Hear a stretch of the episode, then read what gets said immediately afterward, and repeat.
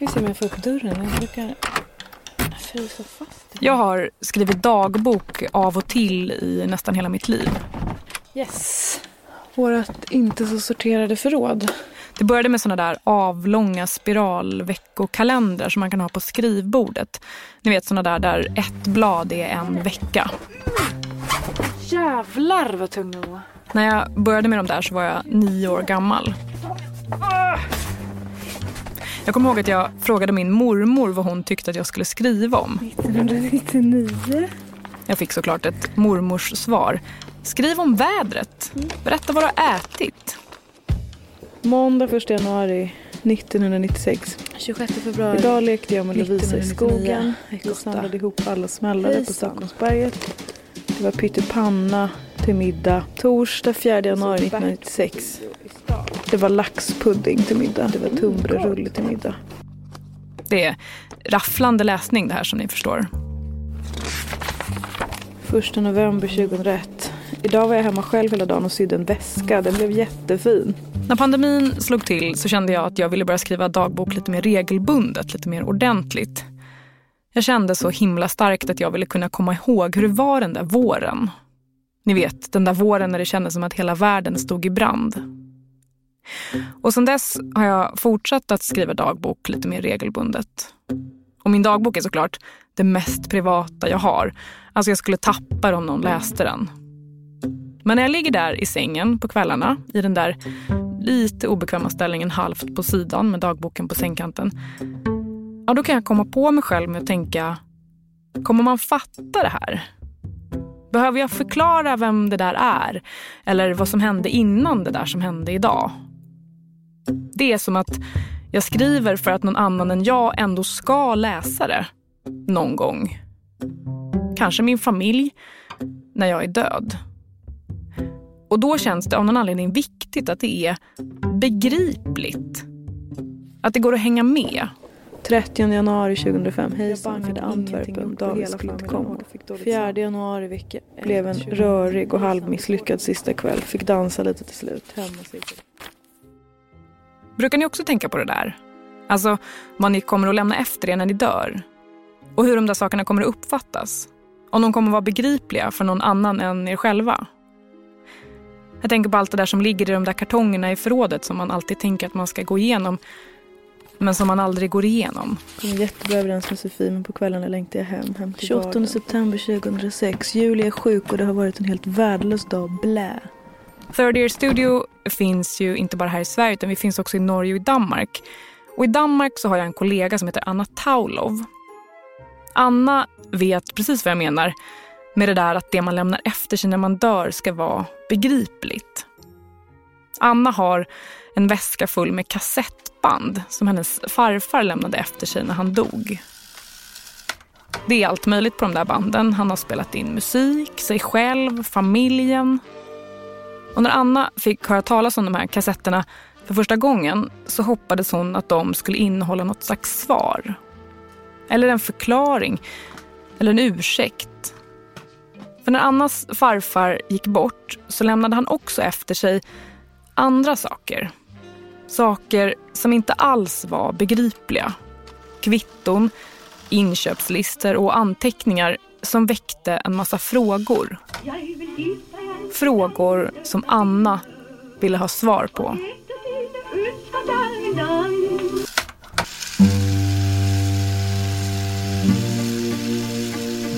Från Third Ear Studio. Det här är Flocken med mig, Åsa Secker.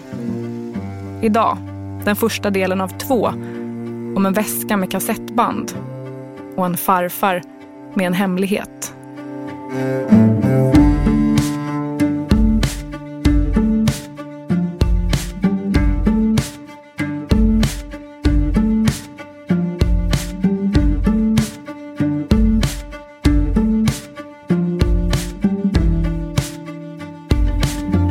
Anna Taulov är alltså min danska kollega och det här avsnittet ska handla om hennes farfar. För när Annas farfar dör så börjar det dyka upp märkliga tecken på att han har dolt någonting. Tecken på att han har burit på någon slags hemlighet i hela sitt liv. Det är kvitton och anteckningar och banköverföringar som känns helt obegripliga. Så Anna börjar intervjua sin farmor för att försöka förstå. Hej, jag kan slet inte höra dig. Jag, lige... altså, jeg er gået i gang med at interviewe min farmor, fordi jeg egentlig gerne selv vil finde ud af, hvad der, hvad der er sket. Farmor som bor kvar i samma lägenhet som hon har bott i hela sitt vuxna liv. Farmor som tycker om att titta på TV. De två dejliga män där. Vem syns du bäst om av dem? Det är under en av de där intervjuerna som Annas farmor säger att hon har hittat en påse med kassettband.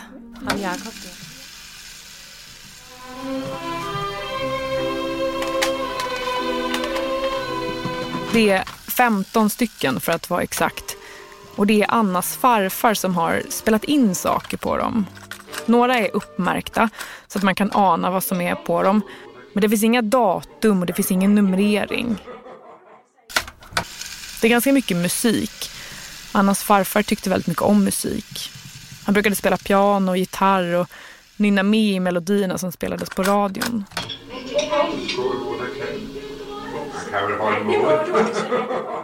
Men det är också en hel del annat inspelat på de där kassetterna. Som familjemiddagar och påskluncher. Inspelningar som han måste ha gjort i smyg.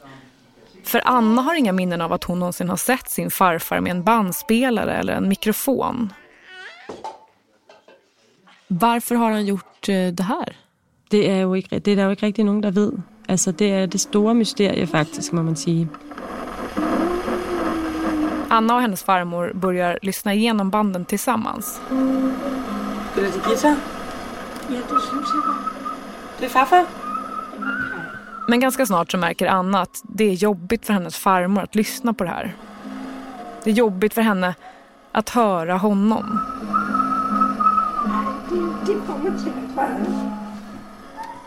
Så Anna lånar med sig de här banden hem och börjar lyssna igenom dem allihop. Ett efter ett. Hon gör det inte bara för att det är kul. Nej, hon letar efter någonting. Hon letar efter något slags erkännande. Eller kanske en ursäkt.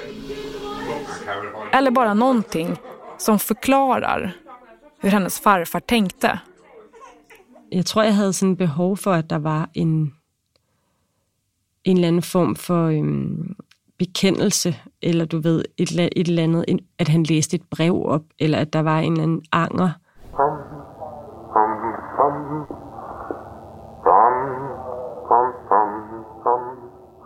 Annas farfar hade alltid slips, filthatt och perfekt ansad mustasch. Och så kunde han trolla.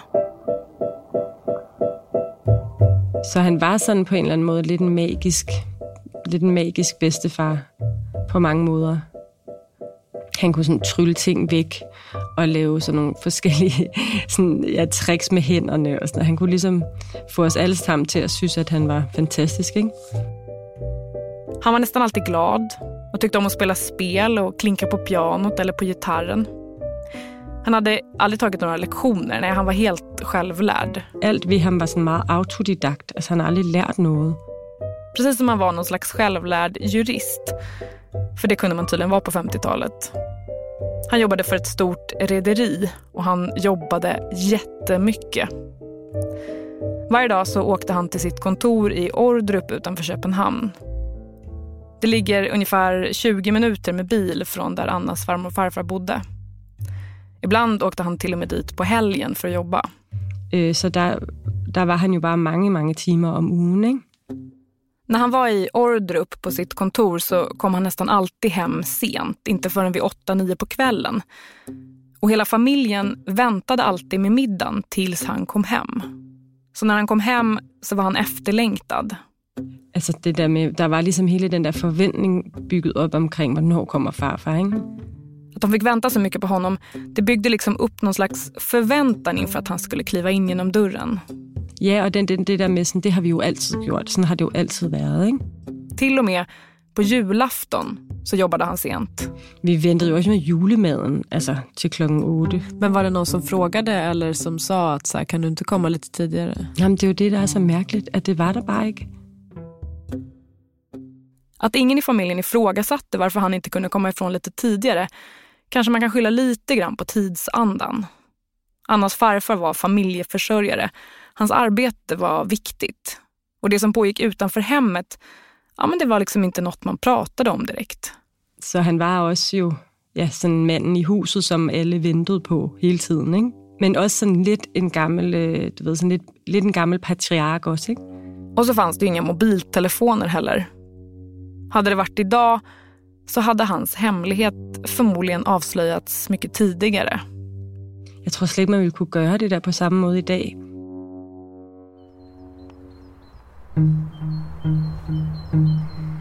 De träffades när de var väldigt unga, Annas farmor och farfar. Hon var bara 13 och han var 17. De träffades i Fredriksbergsparken. Ni vet den där stora vackra slottsträdgården där Köpenhamns zoo också ligger. Den är sådär kontinentalt prydlig. Ni vet sådär som parkerna kan vara i Paris. Med små träbroar och perfekt anlagda gräsmattor. Där träffades de och blev störtförälskade, Annas farmor och farfar. Anna har deras bröllopsfotografi hängandes på väggen hemma hos sig. De gifte sig precis efter andra världskriget och hade verkligen inga pengar. De är uppklädda på det här fotot men det är samtidigt liksom väldigt enkelt. Men hon ser sådan helt fortryllende ut och meget, meget glad. Anna har alltid uppfattat att det som hennes farmor och farfar hade var speciellt.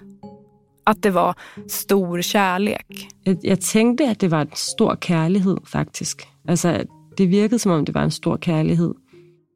Anna och hennes farmor umgicks mycket när Anna var liten. För varje fredag så hämtade hon Anna och hennes syster från skolan. När de kom hem till farmor och farfars lägenhet så fick Anna och hennes syster äta korv. Det tyckte de var gott. Och så kom Annas föräldrar och när Annas farfar kom hem från jobbet senare på kvällen så åt de middag tillsammans allihopa. Um, och det var en ritual varje fredag. När Anna och hennes familj åkte på semester så var det farmor och farfar som passade deras undulat och deras kaniner. Farmor och farfar var liksom som en naturlig förlängning av Annas familj. De var en del av vardagen. Och därför blev det kanske ännu märkligare när det började komma fram saker efter att Annas farfar hade dött som nästan fick det att kännas som att de inte hade vetat vem han var. Egentligen. Och skrämmande att en, man har hållit så mycket av och känt så gott att det bara kan ha skjult något så kämpestort hela tiden, alla åren. Inte?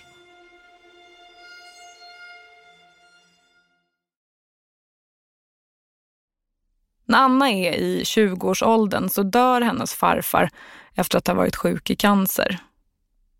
Bara någon dag senare så börjar Annas pappa gå igenom alla efterlämnade mappar och lådor och dokument. De står i hans gamla pojkrum, det som har fungerat som hans pappas arbetsrum på senare år. Jag tror faktiskt allerede, det var första dagen hvor jag blev hos mor, Det här är Annas pappa. at jeg, jeg begyndte at kigge lidt i, i mit gamle drengeværelse, var det faktisk, hvor far havde sit, sit kontor.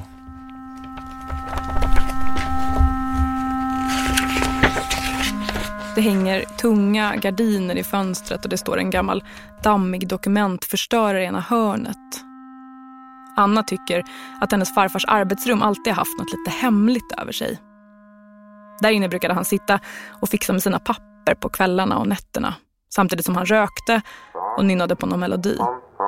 Om Anna kom in och frågade vad han gjorde så svarade han alltid att det var antingen räkenskaper eller lotto. Annas pappa känner också att det är något speciellt med det där rummet. Och när han börjar röja upp där inne så är det som att han känner på sig att det ska finnas en massa hemligheter där inne i röran bland alla papper. Jag hade havde sådan en lite våldsam och påträngande känsla att det måste måtte en massa hemligheter. eller måste ligga något noget, at gemme, noget, noget gemt, noget, der ventede på at blive opdaget. Og Det går ett par dagar utan att Annas pappa riktigt får grepp om allt som finns där inne. Men så hittar han ett par anteckningar. hvor der stod Ivan, skjorte, Inge, bluse. Det är inköpslistor och kom ihåg-listor. Vanja træhest. altså, var det helt tydeligt, at det var for eksempel til jul. Det var juleønsker eller huskesedler til det, han skulle købe. På en lapp så står det K. Whisky. K. Whisky. Och den där K dyker upp på fler ställen. Kom ihåg sommarjobb till K, står det på någon lapp. Som att K är någon som Annas farfar känner och hjälper. Finns därför på något sätt. Det här blir Annas pappa lite fundersam över. För det finns ingen i deras familj som har ett namn som börjar på K. Ingen Christian, ingen Karen. Det är heller inte riktigt någon som dricker whisky. Så vem är den här K? Och det, och det undrar min far så, vem är K? Annas pappa hittar också kvitton på banköverföringar som är gjorda varje månad till en adress i Ordrup. Samma adress som hans pappa haft sitt kontor på. Det där kontoret som låg 20 minuter bort och där Annas farfar tillbringade så mycket tid. Kontoret som han var på till sent på kvällen, till och med på julafton. Och det dyker också upp ett annat okänt namn där bland alla papper på arbetsrummet. En kvinna som heter Alice. Det vet inte Annas pappa heller vem det är. Men efter lite efterforskningar så visar det sig att hon också tycks ha kopplingar till den där kontorsadressen i Ordrup. Det vill säga den samma adress far hade haft kontor på i 20 år, eller hur mycket det nu hade varit, alltså, som, som med sitt privata enmansfirma. Det var så att nu adressen på kvinden, der hed Alice, och på, på en man, der hed K. Så var jag jo godt klar over, at, at, at den, den var simpelthen ravende gal.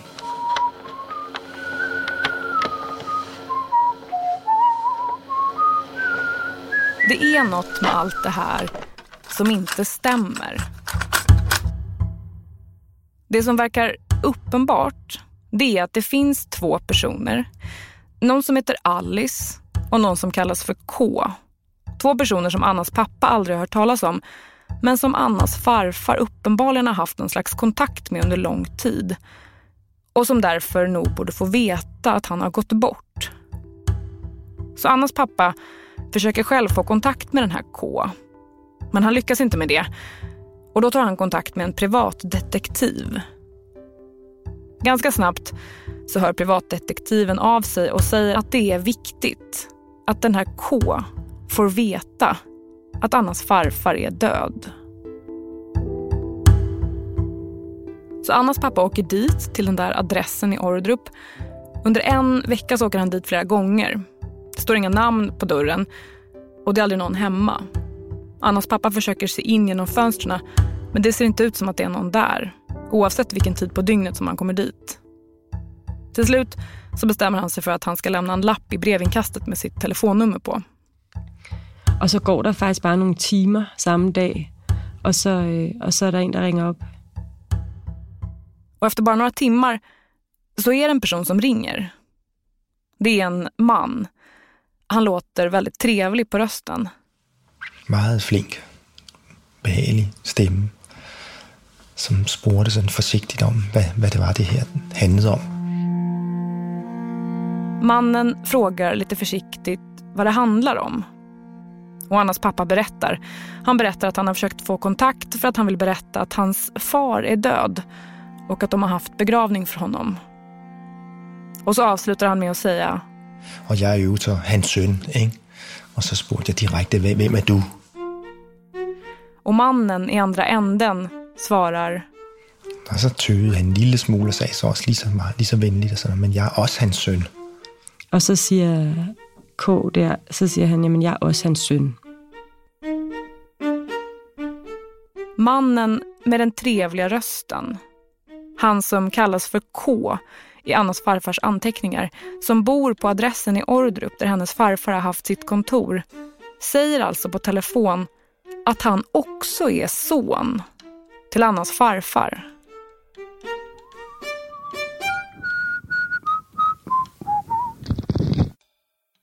Annas farfar har ett barn till som kallas för K och som ingen har känt till. Mm.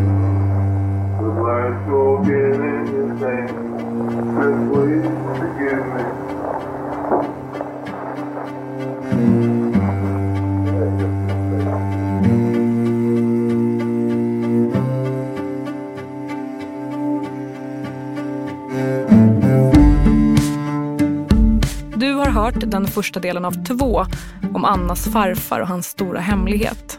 Det här avsnittet är baserat på en annan dokumentär som Anna Taulov har gjort själv tillsammans med våra kollegor på Third Ear i Danmark. Och den dokumentären heter Farfars två liv. Det här avsnittet producerades av Anna Åkerlund. Vignett, grafisk form och slutmix av Anne Skog Obel. Och jag heter Åsa Secker. Glöm inte att följa och prenumerera på Flocken i er poddapp så att ni inte missar när vi släpper nya avsnitt. Och i nästa avsnitt så får ni höra resten av den här historien. Vi hörs då!